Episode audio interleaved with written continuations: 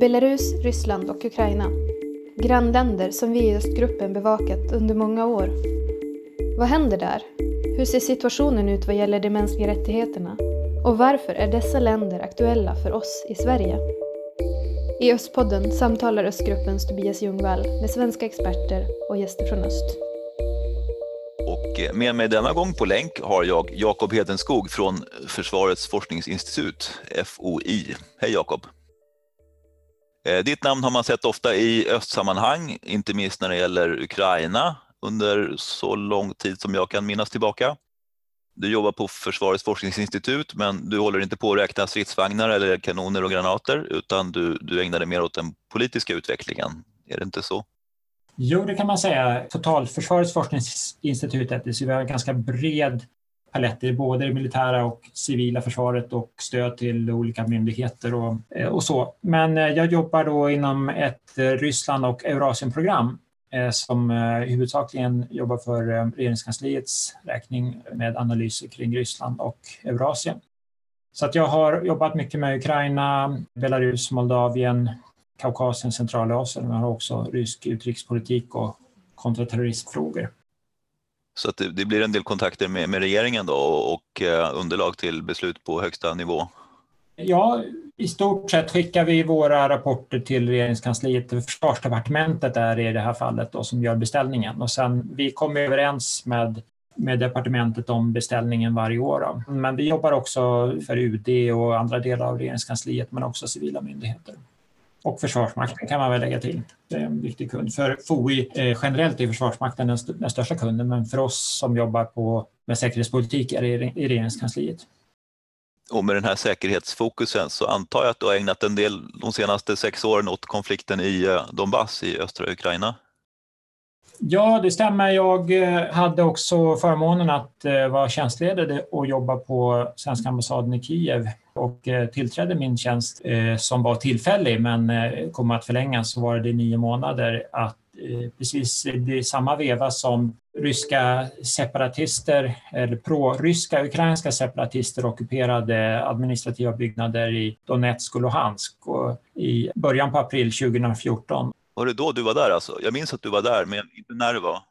Jag kom ner samma dag som det inleddes, kort efter annekteringen av Krim alltså. Och eh, Majdan var ju fortfarande, ja det hade ju egentligen upphört, men den fanns ju kvar rent fysiskt på torget i Kiev. Och sen kort efter det så kom ju då det här eh, ryska inbrottet där med Girkin i Sloviansk och Kramatorsk och sen drog ju hela kriget igång.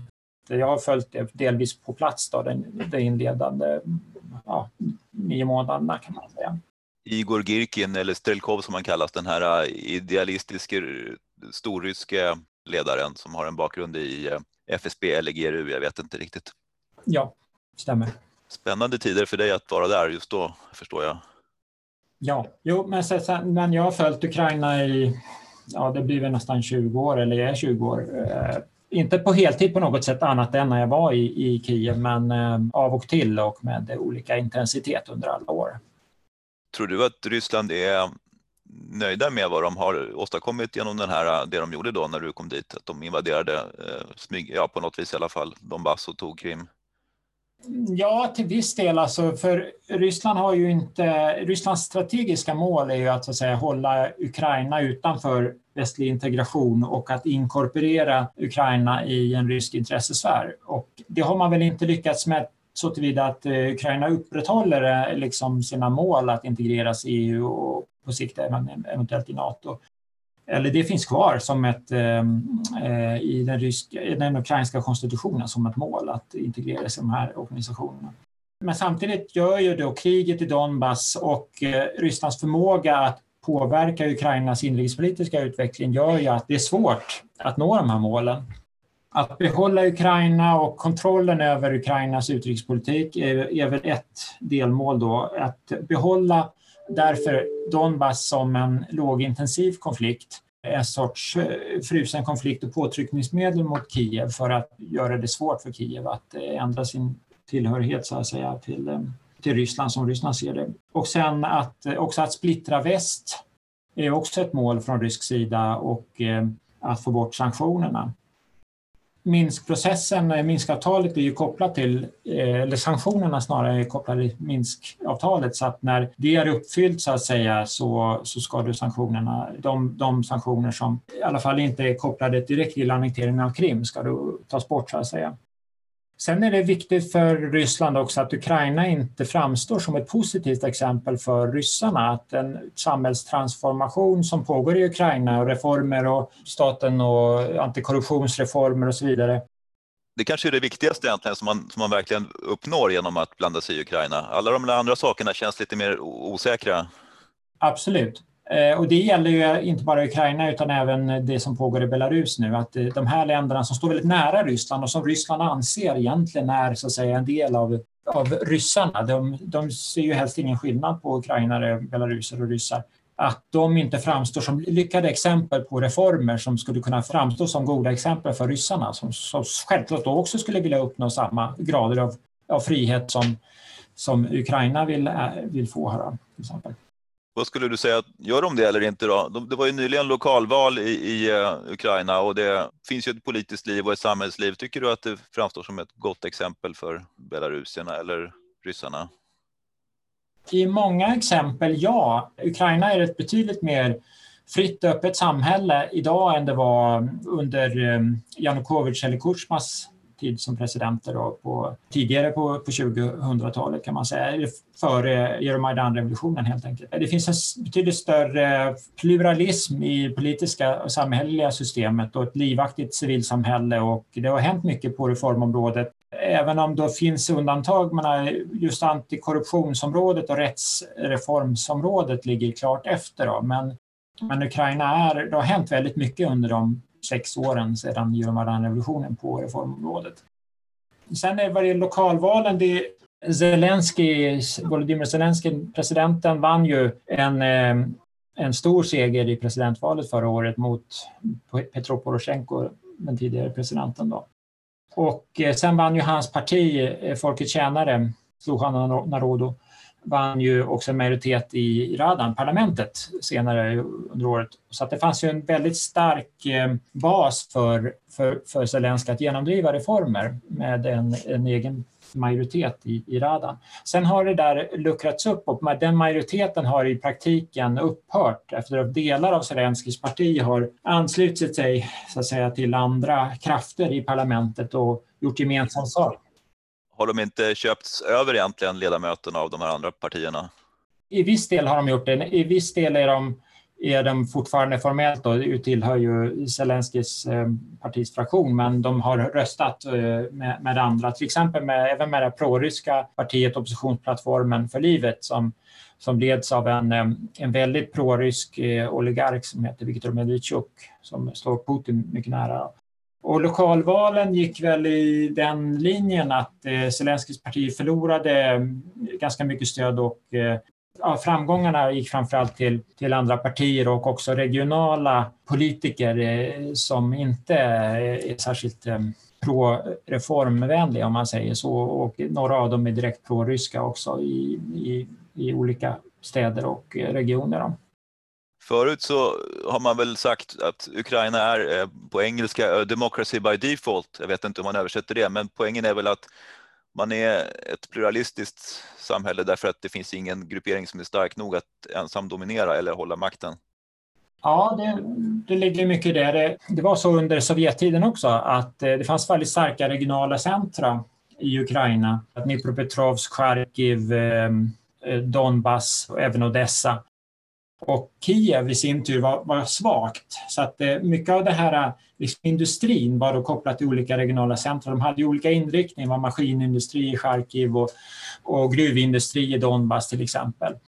Det finns en tradition från det. Det är också det som är ett upphov till de här olika oligarkindustriella klanerna tror att man har kunnat röra sig därifrån och kommit vidare sen, sen Majdanrevolutionen och efteråt och, och närma sig någon slags sammanhållning och, och gemensam demokratisk eh, anda? Absolut, visst finns det det. det annekteringen av Krim och kriget i Donbass har gjort att det, det alltså Ukraina som är kvar, vilket ju naturligtvis är är den överväldigande delen, är ju mer idag pro-ukrainsk än den var tidigare. Det finns en större uppslutning kring självständigheten, demokratin eh, och eh, integrationen västerut än det var innan Majdan-revolutionen. Samtidigt så är det ju fortfarande så att det finns starka regionala centra och det, lokalvalen nu visade ju också det att många av de här ledarna, borgmästarna som sitter i till exempel Charkivs borgmästare Kernes och Odessas borgmästare Trochanov och Filatov borgmästare i Dnipro till exempel. De hade starka framgångar och eh, de här... Eh, det är skumma typer allihopa.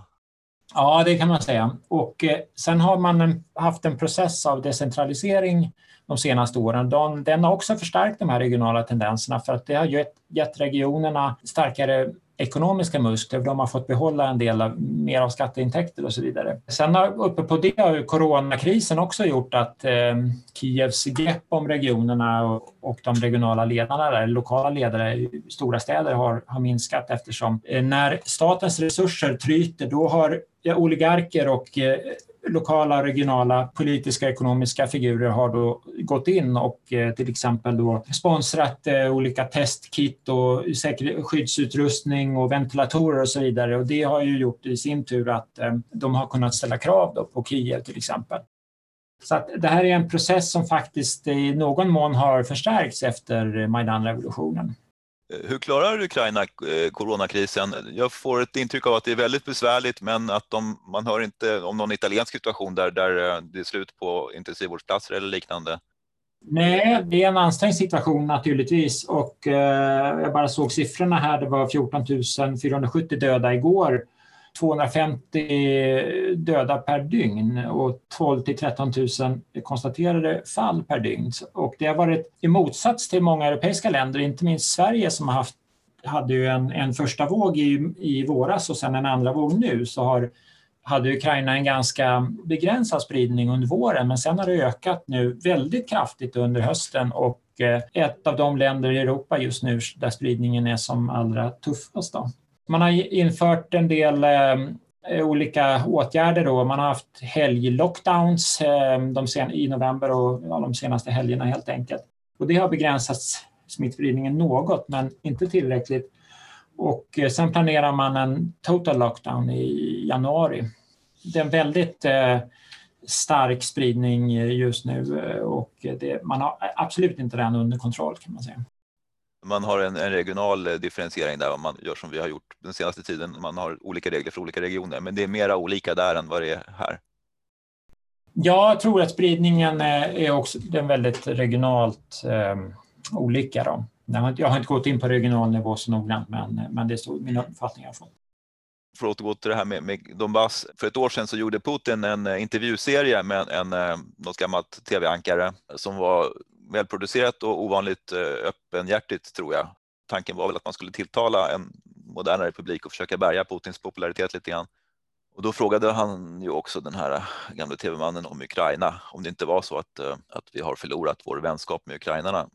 Och Putin erkände i stort sett det, ja, tyvärr var det ju så. Man förstår att man har tappat någonting genom den här aggressionen. Å andra sidan så har jag också tittat lite grann av och till på den här Girkins. Eh, han håller ju till på Youtube numera, eller på internet i alla fall.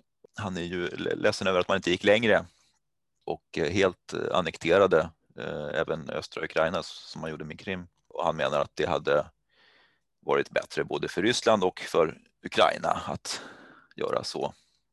Den här konflikten innebär uppenbarligen en viss vånda även för den ryska sidan och riktigt hur de ska ta sig ur den kan man undra, om de nu vill det. Jag tror väl inte man eh, har några planer på det, men det är fortfarande så att eh, det är ett starkt påtryckningsmedel på Kiev. Målet för Ryssland är väl då att integrera de här territorierna i, återintegrera dem i Ukraina, men, men att det hela tiden finns en, en rysk kontroll över situationen.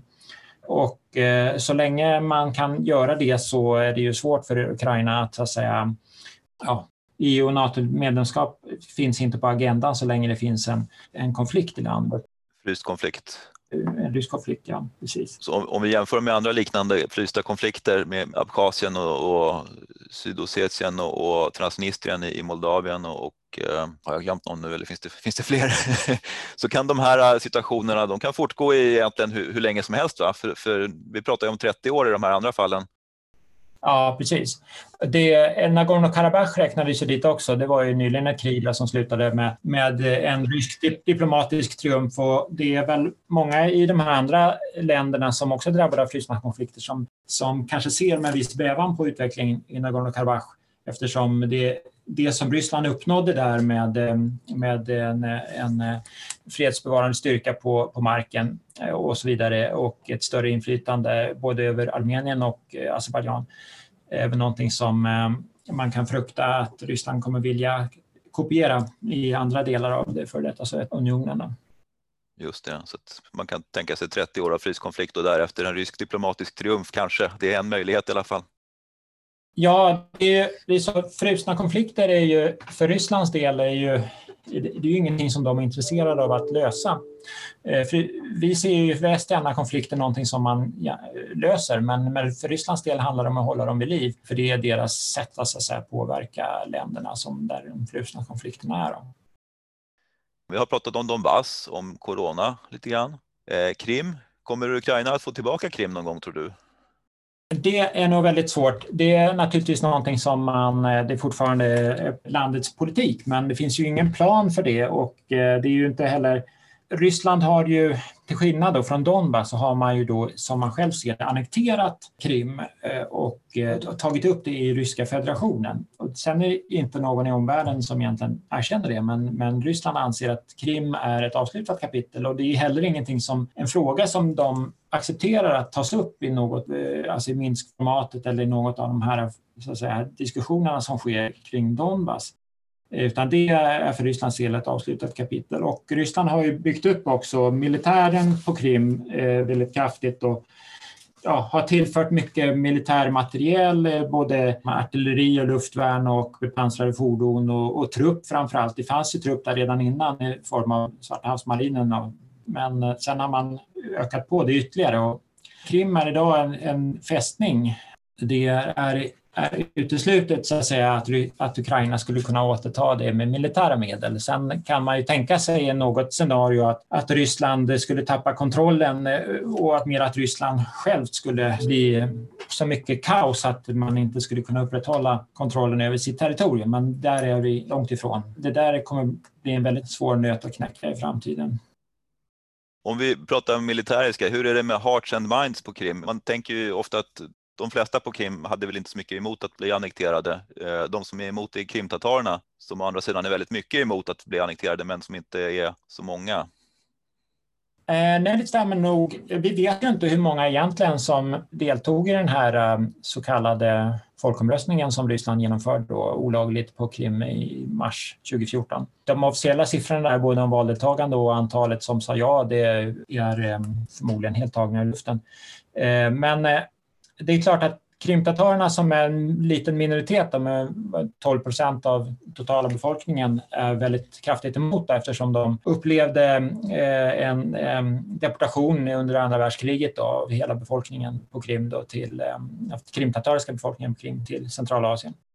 Sen är ju ukrainarna är eh, får man förmoda också många som är emot. Det är ju så att eh, ryssarna har ju då sedan annekteringen gått väldigt hårt fram både mot eh, krimtatarer och ukrainska patrioter, alla som på något sätt eh, motsätter sig annekteringen och man har fängslat många och det har varit många försvinnanden. Och man har stängt ner eh, krimtatariska organisationer och inte minst Medjlis, det valda organet parlament kan man säga. Eh, och man har stängt kulturinstitutioner och andra radio och tv-kanaler och så vidare. Det har varit en väldigt kraftig repression på Krim och man, eh, det är ju förbjudet att, att uttrycka någon form av kritik mot annekteringen och eh, ifrågasätta Rysslands territoriella integritet enligt lag. Så att all form av eh, kritik mot annekteringen kan, liksom, kan man dömas till fängelse.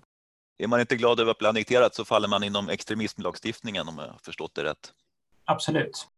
Utöver det så är ju ryska lagar är ju mycket mer repressiva än de är i Ukraina eller har varit. Så att Krim lyder ju då liksom under helt andra ja, ryska lagar helt enkelt. Och eh, det innebär till exempel att eh, organisationen Hizb ut-Tahrir de har haft en del popularitet bland krimtatariska befolkningen då, som är en organisation som försöker genomföra liksom, eh, islamism men med fredliga medel och inte våldspåverkan. Och den är förbjuden i Ryssland och därmed också på Krim nu men den tidigare den är inte förbjuden i Ukraina. Och det finns andra lagar också, som mer repressiva lagar som nu är införda på Krim. MR-situationen på Krim är idag mycket allvarlig, det är ju helt klart det har internationella organisationer kunnat, kunnat eh, fastställa. Apropå eh, extremism och terrorism och sådär, eh, jag kommer att tänka på, det finns ju i, i Ukraina ett par ouppklarade rättsfall, jag tänker i alla fall på ett, mordet på Pavel Sheremet för eh, fyra år sedan tror jag det var va?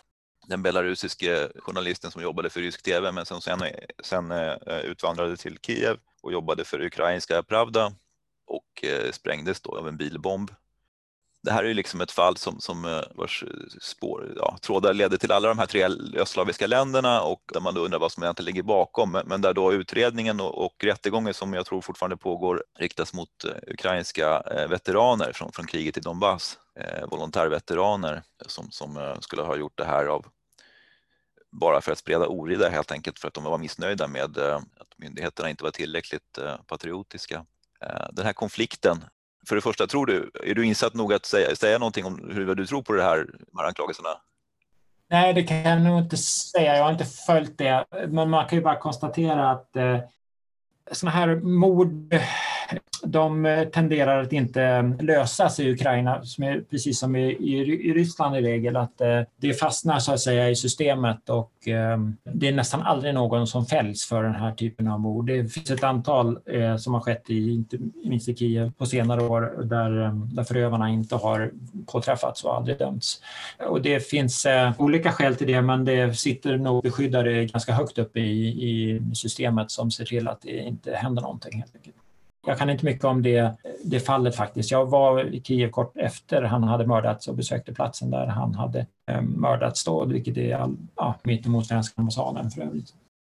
Om det nu stämmer att det är de här så att säga, krigsveteranerna som är, är då någon slags egentligen eh, militaristiska högerextremister som ligger bakom det här så varnades det ju från ryskt håll, rysk desinformation, men även från vänsterhåll i Sverige och i väst kanske, för att den här ukrainska Majdanrevolutionen eh, skulle gå övergå i någon slags fascism och man varnade för de här eh, högerpartiernas roll i, den högra sektorn och eh, organisationens organisationen Svoboda, Frihet som var, som var aktiva i revolutionen och som möjligen var någon slags mer eller mindre fascistiska rörelser. Har de här farhågorna på något vis besannats sedan dess i någon utsträckning?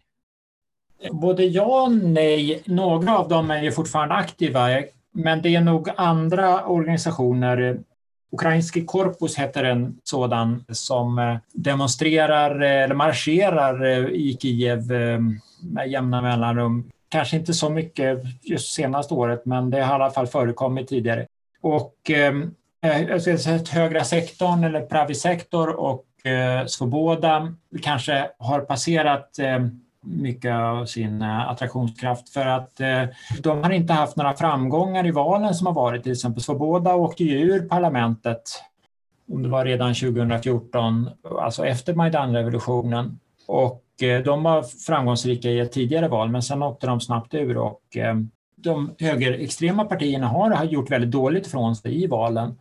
Och eh, även i presidentvalet har ju några av kandidaterna ställt upp men eh, har inte haft någon framgång alls och oftast då inte ens fått en procent av rösterna. Eh, Zelensky själv är ju då eh, av judisk härkomst och eh, det här är ju någonting som eh, har väldigt svårt för Ryssland att hantera eftersom Ryssland har utpekat Ukraina just som fascistisk stat som bedriver antisemitisk politik. Eh, men nu har den här staten en judisk president och hade också ett kort tag en judisk premiärminister. Så det var det enda landet förutom Israel i hela världen som hade judisk både president och premiärminister. Det är klart det finns problem både med högerextremism och antisemitism i Ukraina men det är absolut inte så som Ryssland beskriver det, att det här är ett land som, som styrs av eh, de här krafterna eller att de är särskilt, särskilt framgångsrika i, i den politiska vardagen. Samtidigt har väl eh, Zelenskyjs, en av hans svaga punkter är väl att han är jämfört med den tidigare presidenten så är Zelenskyj något av en fredsduva, vilket retar då kanske en del lite mer revanschistiskt inställda delar av väljarna? Absolut. Eh, Zelenskyj Zelensky har ju, han har ju valt en tredje väg i konflikten i Donbass. Då. Den eh, första vägen är ju så att säga att försöka genom militärt motstånd och återta territorierna, men den, den vägen är ju så att säga uttömd för tillfället. Då. Den andra vägen det är ju att med en frusen konflikt, att så behålla den här konflikten frusen och se till att den inte sprids till resten av Ukraina och sen alltså skärma av och isolera och sen gå vidare utan de ockuperade territorierna och satsa på att reformera resten av Ukraina. Och i praktiken är det väl det som, som har liksom gällt då sedan ja, 2015 och eh, Minsk 2-avtalet då som gjorde, och sen dess har ju då kontaktlinjen varit mer eller mindre frusen. Då.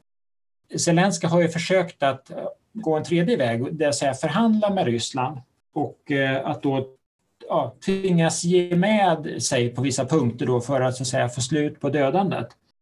Detta är väl en vällovlig eh, ambition att, så att säga, få, få, få slut på dödandet men det kanske också en, bygger på en grundanalys eftersom Ryssland har eh, väldigt starka maktmedel så att säga att tvinga Ukraina till olika saker då som, som gör att Zelensky hamnar lätt i en, en svekdebatt så att säga. Just eftersom man har stora delar av befolkningen är emot alla former av eh, eftergifter till Ryssland och inte minst då de här eh, högerextrema eller nationalistiska grupperna. Så att det finns hela tiden en, eh, så att säga, en risk att han råkar ut för den här svekdebatten. Och han är ju också ganska bråttom. Han har ju sagt tidigare när han valdes att han ska lösa den här konflikten då under en mandatperiod. Sen har han hintat om att det kan ta längre tid och så, men men eh, han har åtminstone sagt ganska höga mål och eh, har eh, bråttom att leverera resultat. Medan Ryssland och Putin har ju mycket tid som helst. Behöver absolut inte nå, någon, nå några resultat utan de är fullt nöjda med i, i dagsläget med att situationen är som den är. Om vi tänker att Putin har kanske till 2036 på sig, hur, tror du att Zelenskyj har någon chans till en andra mandatperiod när det nu blir presidentval igen? Ja, han har ju tappat mycket. Han vann ju med över 70 procents eh, röster och sen har ju populariteten minskat men, den är väl i alla fall hyggligt god. Han är ju den populäraste politikern i Ukraina än så länge. Men eh, det går inte riktigt att, att ta ut någonting i förskott. Ukraina har ju en, en tradition av att presidenterna i regel bara sitter en mandatperiod. Det var ju Kutjma då som, som valdes om en gång men annars har, det, har, har de bara suttit en mandatperiod. Det var ju en vapenvila som man kom överens om i somras. Den trädde i kraft den 27 juli och den har ju gjort att brotten mot vapenvilan så att säga, har minskat väldigt kraftigt, ner med 75 procent under tredje kvartalet jämfört med andra kvartalet i år. Och eh, Samtidigt var problemet med den vapenvilan är väl att i samband med det då så tvingades Zelensky att acceptera att eh, de separatisternas väpnade styrkor enligt det avtalet, då, vapenvilan, eh, kom att likställas som part, motpart till de ukrainska väpnade styrkorna. Och det är det som Zelensky har velat undvika. Han har ju velat förhandla med Ryssland. Ukrainarna anser att eh, de separatiststyrkorna bara är så att säga redskap för, för Ryssland. Man fick vapenvilan i sig, det var positivt, men man fick det på, så att säga, det är en av de eftergifter man har tvingat till då, så att säga, som på sikt då kan bli ganska allvarliga för Ukraina. Jakob Hedenskog från Totalförsvarets forskningsinstitut, FOI. Jag får tacka dig för din medverkan i Östpodden. Tack så jättemycket. Tack för att du har lyssnat på Östpodden. Om du vill veta mer om mänskliga rättigheter i Östeuropa besök gärna Östgruppens hemsida och följ oss på sociala medier.